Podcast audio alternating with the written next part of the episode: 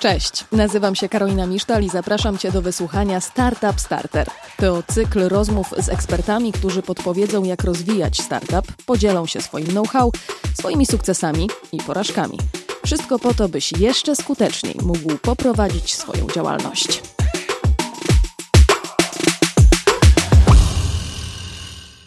Mój rozmówca uważa, że stworzenie dobrego pitchu jest banalnie proste. Jego zdaniem dużo większym wyzwaniem jest ewolucja pitchu, przejście drogi od pomysłu do jego weryfikacji.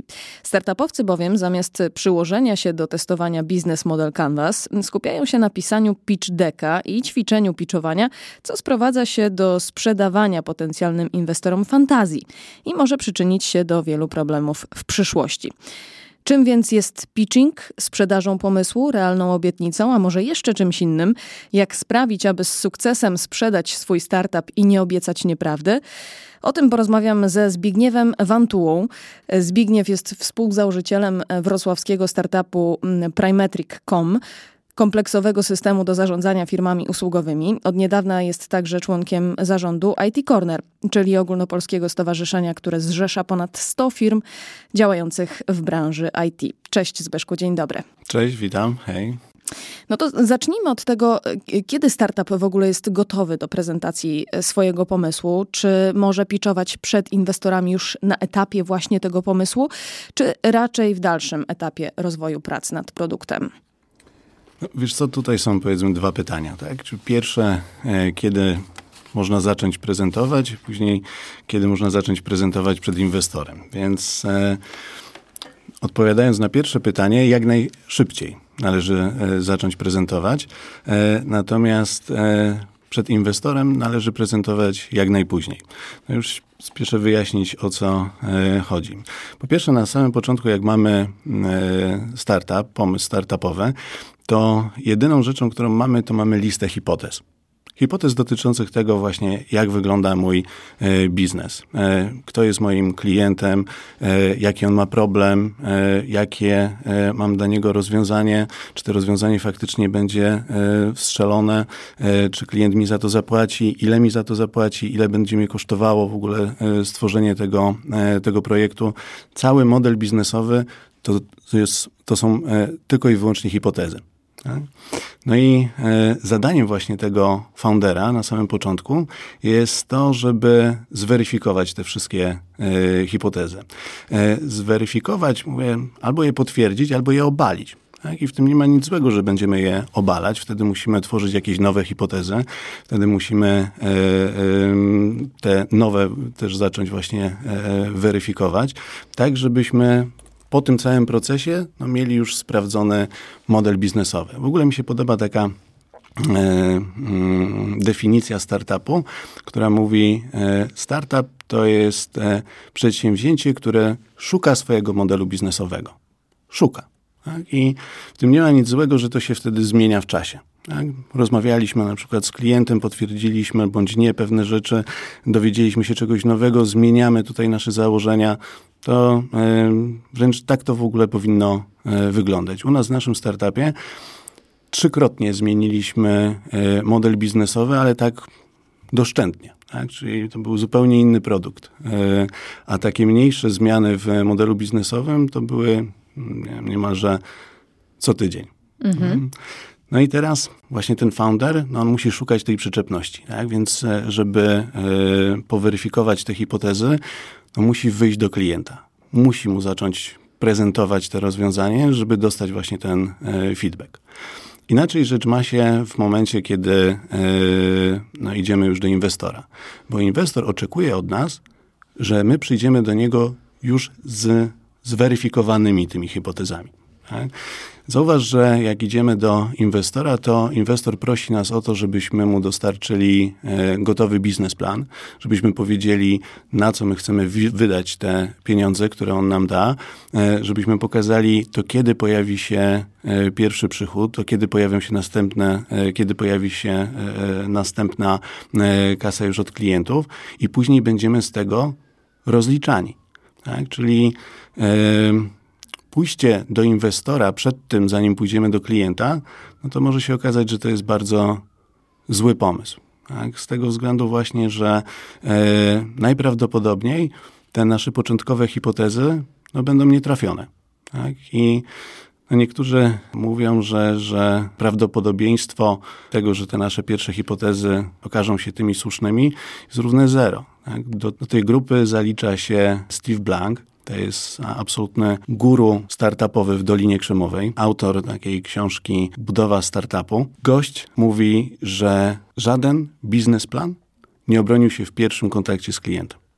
Tak? No i to jest, i to jest e, e, coś, co właśnie e, no sam tego doświadczałem przy okazji właśnie tego, że wydawało mi się, że mój pomysł jest absolutnie genialny. Nie? Więc no tak, do... klient zawsze jest takim papierkiem lakmusowym naszych pomysłów i naszych właśnie hipotez. No zgadza się, nie? więc no mówię, no jest bardzo dużym ryzykiem pójście do inwestora, zanim pójdziemy do klienta. Nie? Więc może się okazać, że faktycznie no, to, co obiecaliśmy inwestorowi, nie jesteśmy w stanie tego dowieść, no bo to klient finalnie e, e, weryfikuje te nasze pomysły. Nie? Czyli reasumując, do klienta należy iść jak najszybciej, a do inwestora jak najpóźniej. Mhm. No to jak doprowadzić do tej weryfikacji z klientem e, właśnie? No bo to wymaga jednak sporego wkładu finansowego, a przecież z założenia no, startupy potrzebują finansowania zewnętrznego, żeby realizować i rozwijać swój projekt. No właśnie wydaje mi się, że to założenie jest błędne. E, można powiedzieć, że wręcz szkodliwe e, dla naszego ekosystemu e, startupowego. Że potrzebują finansowania? Że potrzebujemy finansowania do tego, żeby zweryfikować te podstawowe hipotezy. Tak? Bo to założenie mówi o tym, że zanim ja pójdę do mojego klienta, muszę mieć gotowy produkt. No bo jak on oceni, ten, czy ten mój projekt mu się podoba, czy nie, jeśli nie zobaczy tego produktu. Więc e, wydajemy kupę kasy na to, żeby e, przygotować to rozwiązanie. Znam projekty, które przez rok czasu nie opuszczały piwnicy, tak, do tego, żeby później e, wyjść i, okaz- i się okazywało, że jednak to nie działa. Ten sam Steve Blank, o którym wspomniałem, mówi, dzieli w ogóle projekty startupowe na takie trzy kategorie. Pierwsza kategoria to są projekty, w których ryzyko jest po stronie produktu. Tak? Oznacza to, że nie wiadomo, czy w ogóle da się zrobić taki produkt. Tak? Ale nie ma tutaj ryzyka po stronie klienta. Tak? Jeśli zrobimy taki produkt, to na pewno znajdą się klienci. Prawda? No, czyli nie wiem, jakieś e, e, lekarstwo na raka. Tak? Zrobimy, no, ustawi się kolejka, wszyscy będą chcieli to, e, to kupić. Tu nie ma ryzyka po stronie, po stronie rynku, tu jest tylko ryzyko, czy nam się uda zrobić taki produkt. Właśnie drugi rodzaj pro, projektów, to są projekty, w których ryzyko jest po stronie rynku. I to oznacza, że nie ma tutaj ryzyka tego, że nam się nie uda zrobić danego produktu. Da się to zrobić. Może to być trochę droższe, może trochę tańsze niż zakładaliśmy, ale e, na pewno da się to zrobić. Jedyne ryzyko tutaj jest właśnie po stronie rynku, czy ktoś będzie chciał to kupić. No i trzeci rodzaj to jest taki miks, czyli nie wiadomo, czy da się zrobić, nie wiadomo, czy będzie chciał to ktoś kupić. Większość projektów, które e, znam, większość projektów startupowych należy do tej drugiej kategorii. To znaczy, że tam nie ma absolutnie ryzyka produktowego. Jedyne ryzyko jest po stronie klienta, tak? czy znajdą się na to klienci. I teraz finansowanie zbudowania produktu na tym etapie ani odrobinę nie zmniejsza ryzyka związanego e, z rynkiem. Powiem więcej, zwiększa to ryzyko. No bo w momencie takim, kiedy my już mamy duży produkt, popracowaliśmy nad nim właśnie ten e, rok czasu, wypuszczamy go i teraz klient nam mówi, że a, a, może to trochę inaczej powinno wyglądać, to my z takim dużym produktem już dużo ciężej nam manewrować. Dużo ciężej coś tutaj ciekawego, nowego wprowadzać. Tak? Więc to tu chodzi o to właśnie, żebyśmy jak najszybciej e, poszli do tego klienta, nie mając nic. O tym pisze Eric Rice w swojej e, książce Lean Startup. E, Steve Blank w tym podręczniku startupu też mówi e, o metodzie customer development. Idź do klienta i porozmawiaj z nim, czy te twoje założenia są faktycznie słuszne. Tak? I nam właśnie do tego może przydać się pitching, żeby takie spotkania z tymi klientami nagrać. No to powiedzmy, czym właśnie ten pitching e, jest i czym jest pitchowanie, e, czyli dlaczego umiejętność pitchowania jest dla startupów kluczowa. Trochę już e, uchyliłaś, uchyliłeś rąbka tajemnicy. No zgadza się. No, Pitchowanie to nic innego jak takie krótkie, zwięzłe i treściwe przedstawienie naszej idei, przedstawienie naszego biznesu. Mówię krótkie, bo e, mieści się w takich ramach od kilku sekund do kilku minut, ale nie dłużej. Później już mówimy o prezentacji. A tutaj w piczowaniu chodzi o to, żeby w tą krótką chwilę, jaką mamy na zaprezentowanie tej idei, zainteresować rozmówcę, żeby on chciał się umówić na drugie spotkanie. Zatrzymać go. Zatrzymać go, wzbudzić z nim zainteresowanie, ciekawość tym naszym rozwiązaniem, żeby chciał się z nami e, spotkać i dopytać o, e, dopytać o więcej. No to załóżmy, że jesteśmy po takim piczu i uważamy, że wyszło fatalnie. No, daliśmy ciała na całej linii. Powinniśmy jednak dopytywać o, o feedback, no, nie wiem, jakoś próbować przekonać jednak do tego drugiego spotkania, jeśli pytać o feedback, to kogo? Wiesz co, no, też pytanie, co to oznacza, że wypadliśmy e, fatalnie, nie? Może być tak, że... No, to jest e, też subiektywna ocena. No tak, nie? Może być tak, że po prostu trafiliśmy na zły dzień gościa, e, któremu piczujemy. Ma głowę w ogóle gdzieś indziej i to wcale nie musi być nasza wina albo wina naszego pitch decku. Po prostu tak się wydarzyło, nie chce z nami rozmawiać i tyle. Ale może być tak, że osoba, której piczujemy mówi, Zbyszek, wiesz co, ten projekt to w ogóle do mnie nie trafia ten, e, mam taki problem, ale rozwiązuję go sobie jakimś prostym Excelem, więc w ogóle bym ci nie zapłacił za to rozwiązanie.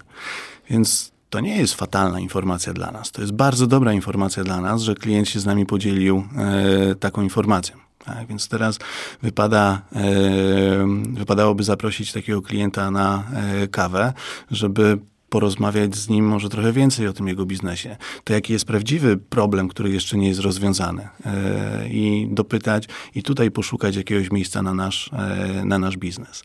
E, może być też tak, że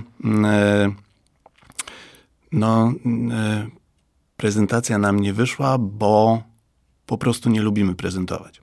To jest też bardzo częsty przypadek, szczególnie takich founderów technicznych, którzy znają się na programowaniu, ale niespecjalnie lubią rozmawiać z ludźmi. Tak? I e, tutaj mam złą wiadomość, że bez takiej umiejętności właśnie porozmawiania z klientami nie uda się zrobić sensownie startupu. Więc e, rozwiązaniem dla takich gości technicznych jest znalezienie sobie co-foundera biznesowego który właśnie pójdzie do tych klientów, będzie z nimi rozmawiał, będzie wyciągał od nich te podstawowe informacje na temat tego, w którą stronę ten biznes nasz powinien e, pójść, no bo bez tego e, daleko nie pojedziemy. Ale to też działa w drugą stronę. To znaczy, że jeśli mam fajne gadane, mm, e, nie mam problemu z tym, żebym rozmawiał z klientem, ale robię projekt techniczny, a sam techniczny nie jestem, to powinienem sobie poszukać kofondera technicznego ten biznes, tak jak wspomniałem na początku, on może zmieniać się nam co tydzień. Tak? I chodzi o to, żeby mieć pod ręką kogoś, który będzie w stanie tak szybko dopasować pewne rozwiązania, zrobić jakieś takie MVP projektowe, nawet w parę godzin, żebym ja później mógł wrócić do klienta i się zapytać, czy to już jest to?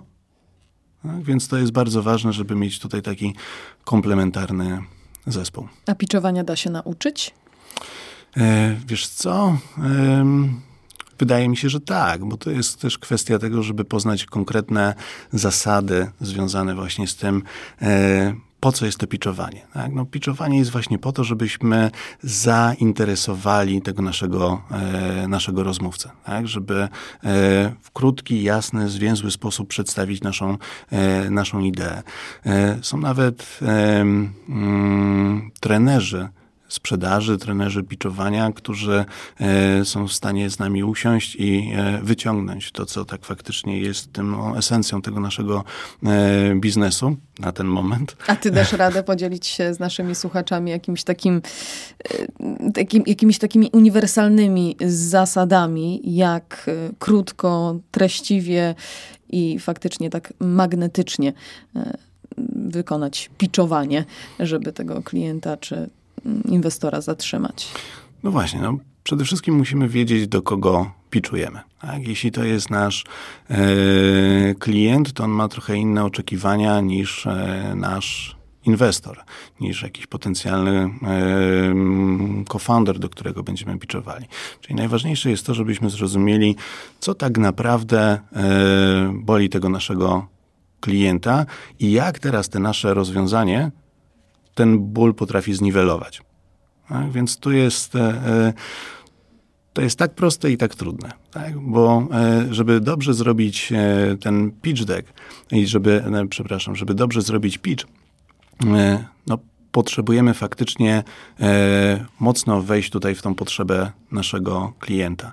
I e, do tego często służą nam takie wywiady pogłębione, które robimy sobie z klientami. Tak? Czyli wtedy umawiamy się z klientem, e, potencjalnym klientem i mówimy mu wprost, stary, ja nie chcę ci nic sprzedać. Ja potrzebuję się dowiedzieć czegoś właśnie tutaj o tym twoim biznesie, dowiedzieć się więcej o tym e, problemie, bo chodzi o to, żebym później piczując, czy właśnie opowiadając o tym moim rozwiązaniu, trafił w sedno. Tak, żebym to, co mówię, zarezonowało z Twoimi konkretnymi e, potrzebami. Tak, więc e, nie mam takiego e, e, prostego schematu, powiedz teraz to i to. Mhm. Tak, więc e, żeby to faktycznie dobrze, dobrze zagrało, to, to musimy faktycznie dobrze zrozumieć naszego klienta. I później to przychodzi z niesamowitą łatwością. Kiedy już wiemy, wiemy jak, jaki jest ten problem, widzimy, że faktycznie te nasze rozwiązanie ten problem adresuje, to niesamowicie łatwo przychodzi nam teraz to, żeby takie jedno, dwa zdania powiedzieć. I często na to też zwracają uwagę inwestorzy, że jak my właśnie jesteśmy w stanie w tym jednym zdaniu zawrzeć ten nasz biznes. Tak? Bo im lepiej to robimy, to znaczy, że tym lepiej rozumiemy ten, e, rozumiemy ten projekt. Tym, tym lepiej rozumiemy potrzebę klienta i te nasze rozwiązanie faktycznie lepiej się tutaj e, pasowuje. Więc no, ciężko mówić o jakiejś jednej konkretnej e, radzie, oprócz tej, że rozmawiać ze swoim klientem. A czy wystarczy, żeby startup miał jeden właśnie stały pitch deck, czy powinno się go dostosowywać e, w stosunku do odbiorców? To też właśnie e, miałem tutaj e, powiedzieć, że to jest chyba błąd w tym, żeby nie zapytać o pitch deck, tylko o pitch. Z tego względu, że pitch deck jest zupełnie czymś innym. Nie? Czyli jak gdyby to już jest konkretna prezentacja dla już typowo dla inwestorów. Nie? Czyli jeśli tutaj mówimy o różnych pitchach, to faktycznie wszystko zależy od tego, do kogo pitchujemy. Jaka jest jego motywacja do tego, kiedy on by chciał umówić z nami te następne spotkanie. Inną motywację do tego będzie miał właśnie nasz potencjalny klient, inną anioł biznesowy, inną inwestor. E, ten nasz pitch będzie też ewoluował właśnie z czasem, jak będziemy poznawali lepiej tutaj potrzebę tego klienta. W każdej iteracji, po, po każdym zweryfikowaniu tej hipotezy, ten nasz pitch będzie odrobinę lepszy. A jeśli chodzi o pitch deck, to rozumiem, że dostosowany zupełnie indywidualnie, bo jako prezentacja no, chyba powinna być właśnie e, przygotowywana celowo, stricte celowo. E, Czy też Tak, nie? tak, tak. Pitch deck jest e, taką właśnie prezentacją dla inwestora i to też taką prezentacją skróconą. Chodzi o to, że e, ci potencjalni inwestorzy dostają mnóstwo propozycji zainwestowania w e, startupy. I chodzi o to, żeby w tej prezentacji, krótkiej pre prezentacji, jak najzwięźlej przekazać właśnie tutaj swój e, pomysł, swój projekt. Więc taki pitch deck on też powinien mieć swoją strukturę i wręcz e, e, niektóre fundusze odsyłają do jakichś artykułów mówiących o tym, słuchajcie, zanim wyślecie do mnie pitch deck, to przeczytajcie sobie to, żeby e, no to nie, nie była prezentacja na 50 stron, bo po prostu szkoda waszego czasu. Nikt od nas nie będzie tego czytał. Mhm. No to może właśnie zatrzymajmy się tutaj na tych kwestiach, których o których powinien startup pamiętać, wysyłając taki pitch deck do, do swojego inwestora? Jaka ta struktura powinna być?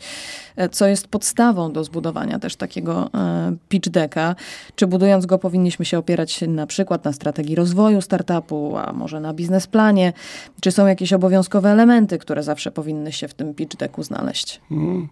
No Przede wszystkim właśnie musimy pamiętać o tym, żeby to było krótkie. Tak? Czyli e, przyjęło się mówić o tym, żeby w ogóle taki idealny pitch deck powinien się zmieścić na 10 stronach.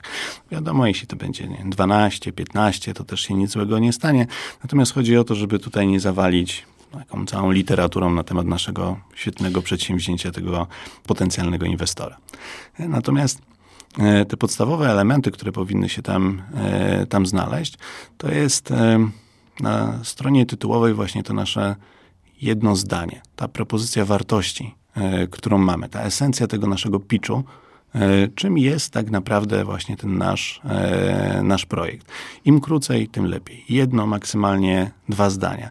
Chodzi o to, żeby osoba, która będzie to prze, przeglądała, po tym jednym zdaniu ma złapać tą naszą ideę, ma zrozumieć, o co w ogóle nam chodzi i zainteresować się tym, żeby przejść do następnych stron. Więc to jest absolutnie yy, kluczowe. Yy, takie zdanie, które yy, my sobie wymyśliliśmy, jak się okazało, że faktycznie gdzieś tam zarezonowało z, z naszymi inwestorami, to było Primetric, jeden system, który zastępuje wszystkie narzędzia i Excele służące do zarządzania firmą usługową. Tak, I okazało się, że to zdanie faktycznie było magnetyczne dla e, naszych, e, dla naszych inwestorów. Zaciekawiło ich na tyle, że przejrzeli resztę e, pitch decka i odezwali się, odezwali się do nas.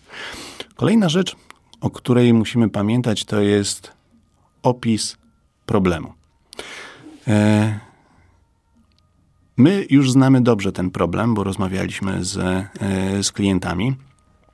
Nasi klienci, wiadomo, mają ten problem, ale nasi inwestorzy niekoniecznie w ogóle muszą być z branży. Mogą zupełnie nie wiedzieć o co, e, o co chodzi, więc e, naszym zadaniem jest tak przedstawienie właśnie tego problemu, żeby ten inwestor, który może być zupełnie z innego świata, zrozumiał, że to jest ważny problem dla tego naszego klienta.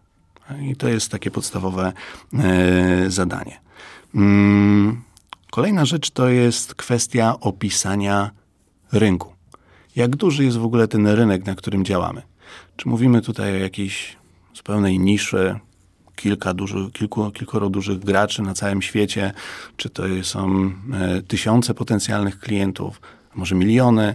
Tutaj też trzeba uważać, żeby nie przegiąć, tak? bo jeśli mówimy, że cały świat może być naszym klientem, no to e, będziemy wprost konkurowali pewnie z Googlem, z Facebookiem i z innymi gigantami. Tak? Więc to też e, e im lepsza tutaj analiza, e, tym e, e, większe bezpieczeństwo dla takiego inwestora, że tutaj została faktycznie wykonana jakaś praca sensowna, związana z, z analizą tego, tego biznesu. Jeśli znajdziemy jakieś raporty, jakieś dane, tym lepiej. Nam się udało właśnie znaleźć informację, że rynek narzędzi takich, jak my robimy, jest w tym momencie wart około 8 miliardów dolarów rocznie.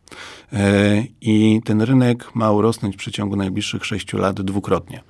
I właśnie e, ten wzrost ma być e, głównie napędzony przez małe i średnie firmy, które będą przechodziły z Excela na rozwiązania bardziej profesjonalne. To Czyli pewno... znaleźliście badania potwierdzające waszą tezę i waszą ideę. Dokładnie tak, nie? więc warto, warto szukać, warto też sprawdzać, jak ten rynek wygląda i czy on będzie, będzie rósł, czy są jakieś dane, które potwierdzają faktycznie to, że e, idziemy w dobrym kierunku mhm. z tym naszym biznesem. E, kolejna rzecz to jest opis naszego rozwiązania. I to jest chyba najcięższy slajd do zrobienia. E, musimy pamiętać o tym, że ten nasz pitch deck jest samodzielną prezentacją. To znaczy nie wysyłamy oprócz pitch decka jeszcze prezentacji naszego produktu, która najczęściej sama w sobie ma kilkanaście e, slajdów, tylko e, musimy to opisać i to idealnie na jednym, dwóch slajdach. Tak? I to jest bardzo, e, bardzo ciężkie, bo trzeba tu już e, pokazać mm, najlepiej jakieś screeny z działającego systemu, jak ten system pomaga naszemu klientowi. No na tym spędziliśmy bardzo dużo, e, bardzo dużo czasu. Mm. Kolejna bardzo ważna rzecz w pitch decku to jest to, jaką mamy już trakcję. Czyli które z tych hipotez udało nam się potwierdzić. Jak to zrobiliśmy? No i najlepszym takim dowodem że to może być dobry kierunek, jest to, że mamy już jakichś klientów. Że y, mamy firmy, mamy osoby, które płacą nam nawet za jakiś bardzo niedoskonały produkt, który dopiero teraz chcemy rozwijać. Ale to jest takie bardzo dosłowne potwierdzenie tej naszej hipotezy, że y, to może być to. Kolejna rzecz y, to jest opis naszej strategii marketingowej, strategii sprzedażowej. Jak chcemy teraz docierać do tych klientów? Ile nam będzie zajmowało pozyskanie tych klientów? Jakimi kanałami? Ile to może e, kosztować? Tak? Więc e, inwestor chciałby wiedzieć, czy my te rzeczy mamy już w jakiś sposób przemyślane i a może już częściowo zweryfikowane. E, następny ważny element takiego e, pitch decku to jest opis zespołu. Czyli kto tworzy ten startup, jaki ma background, co już zrobił wcześniej. E, I niezależnie od tego, czy jesteśmy świeżakami zaraz po studiach, czy już wyjadaczami biznesowymi, powinniśmy się pochwalić jakimiś rzeczami, które nam się udało zrobić, tak? Bo czy y, byliśmy na Mistrzostwach Polski w pływaniu, czy wygraliśmy jakieś konkursy y, szachowe. Inwestorzy lubią taki, e, też taki track record pojedynczych sukcesów. Niezależnie właśnie od tego, czy one były biznesowe, czy może na jakichś innych, e, w innych aspektach. Ale warto się tymi rzeczami pochwalić, jeśli takie mamy. Następna kwestia to są finanse i to, jak zamierzamy rosnąć. Inwestorzy oczekują od nas, żebyśmy konkretnie powiedzieli, to dobra, to jak teraz w najbliższych miesiącach będzie kształtowała się sprzedaż. Dostaniesz od nas teraz te pieniądze, to na co ty chcesz je wydać? Dokładnie. Trzeba wskazać konkretne, e, konkretne koszty i pokazać, jak właśnie one wpłyną nam na przychód. I często tutaj inwestorzy na tym punkcie zawieszają taką inwestycję, dzielą inwestycje na przykład na dwie, trzy transze. Mówią, ok, teraz pokazałeś mi ten swój biznesplan, mówisz, że urośniesz w taki sposób, chcesz pieniądze, które mają ci wystarczyć na dwa lata, to zróbmy sobie tak, że teraz damy ci pieniądze na 10 miesięcy. I sprawdźmy, czy za te 10 miesięcy ty dowieziesz to, co powiedziałeś, i dopiero wtedy odblokujemy ci kolejną transzę. Dlatego tak bardzo jest ważne to, że my do tego inwestora musimy przyjść przygotowani. Widzisz, o ile rzeczach wspomniałem przy okazji tego pitch decku. E, pójście do inwestora po prostu, bo wpadł mi świetny pomysł i wpisanie tych rzeczy po prostu tak, jak mi się wydaje, to jest niesamowicie dużym ryzykiem obarczone, tak, że no, to mi się po prostu nie uda. Więc jeśli ja nie wiem, jak się zachowują moi klienci, nie wiem nawet, czy oni to będą potrzebowali, no to jak mogę pójść do inwestora i powiedzieć mu, stary, za 10 miesięcy będę miał dokładnie tyle. Tak? Więc tylko ta praca u podstaw e, pozwala właśnie e, na tyle sobie poukładać ten biznes, żeby później pójść do inwestora. Nam inwestor też zawiesił takiego KPI-a po 10 miesiącach, no i okazało się, że nam się udało już po siedmiu miesiącach zrealizować ten, e, ten plan. Ale faktycznie wcześniej wiedzieliśmy już, jak nasi klienci się zachowują, ile nam potrzeba czasu do tego, żeby e, pozyskać kolejnych klientów, jak duzi to są klienci, w sensie ile tego MRR-u, e, czyli ile tego przychodu oni nam dostarczą. Tak? Czyli wiedzieliśmy tutaj, jak to, się, jak to się zachowa i dzięki temu byliśmy w stanie realny biznes przedstawić i później go dowieść. Dzięki temu mamy teraz odblokowane kolejne środki na dalszy rozwój. Mhm.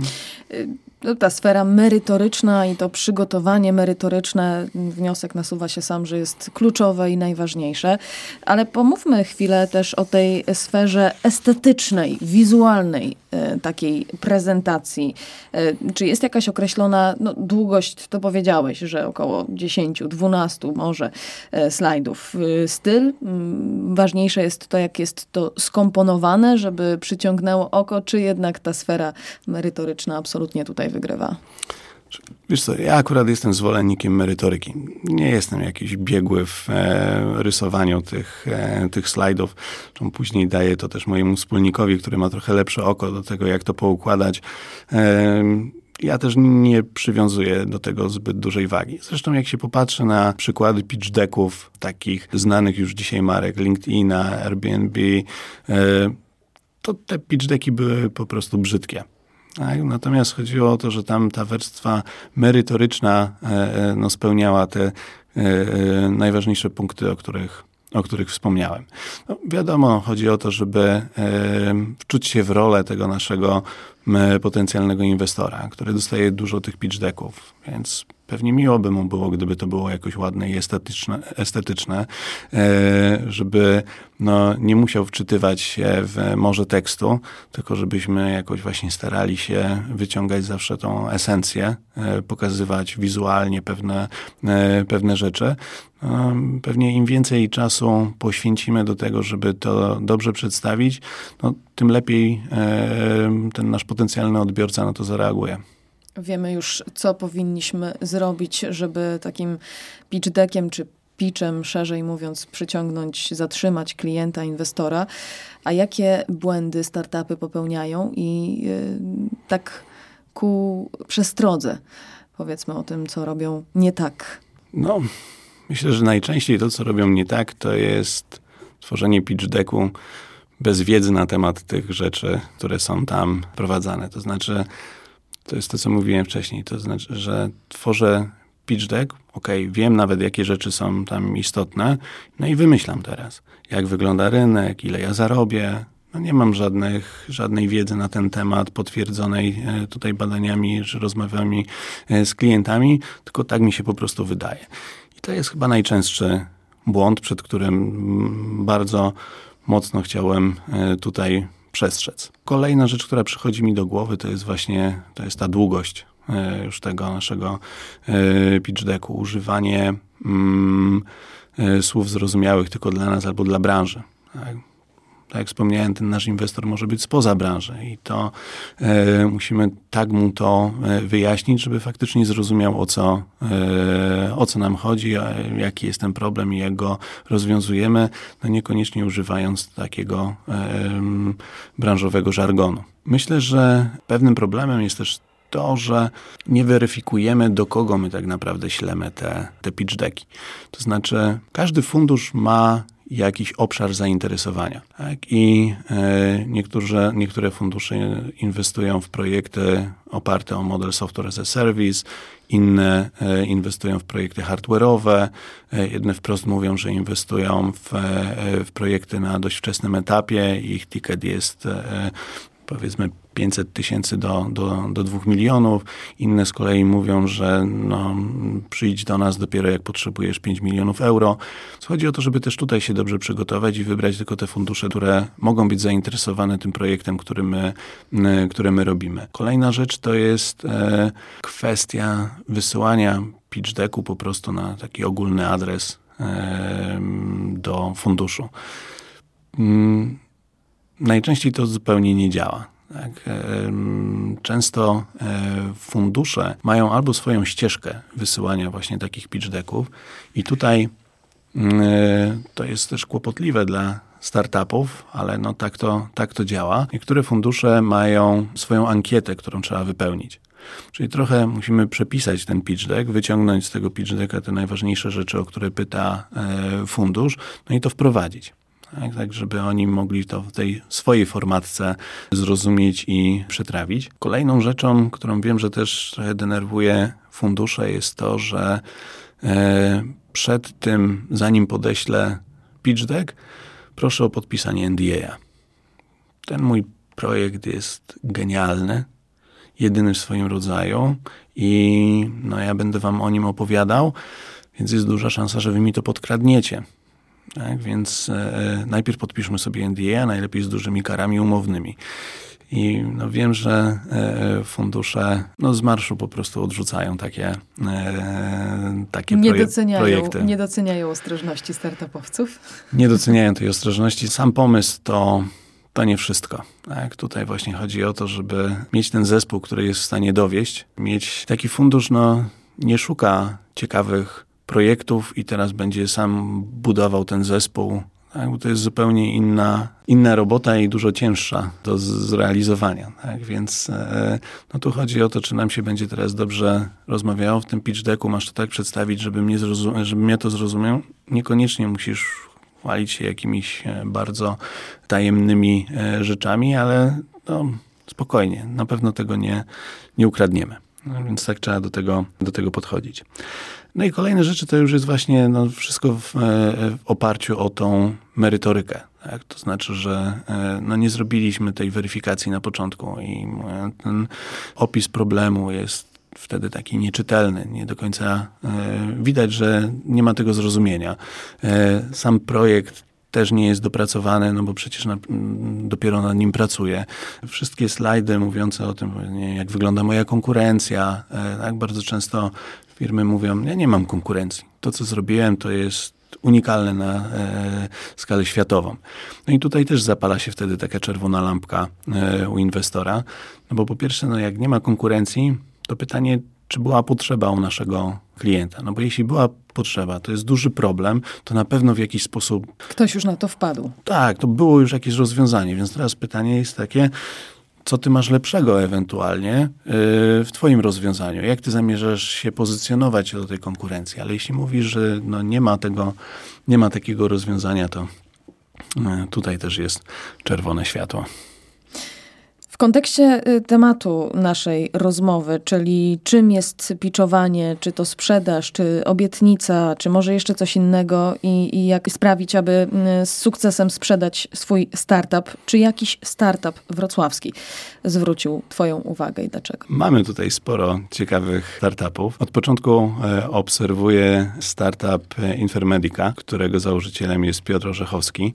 No, myślę, że tutaj mogą zrobić zamieszanie. Tak? Tworzą boty, algorytmy sztucznej inteligencji, które pomagają w diagnostyce. Pomagają lekarzom, wykorzystywane są w różnych e, aplikacjach do takiego szybkiego kwalifikowania powiedzmy danej osoby, czy na przykład e, czy ma COVID, czy nie ma COVID-u. Tak? I ostatnio dostali mega duże finansowanie. Widzę, że ich rozwiązanie korzystują tacy giganci jak Microsoft, więc podejrzewam, że e, za chwilę padnie informacja, że ktoś ich kupił za naprawdę grube e, pieniądze czego mm, życzę Piotrkowi, życzę Wrocławiowi, życzę całej Polsce, bo e, brakuje nam dużych exitów.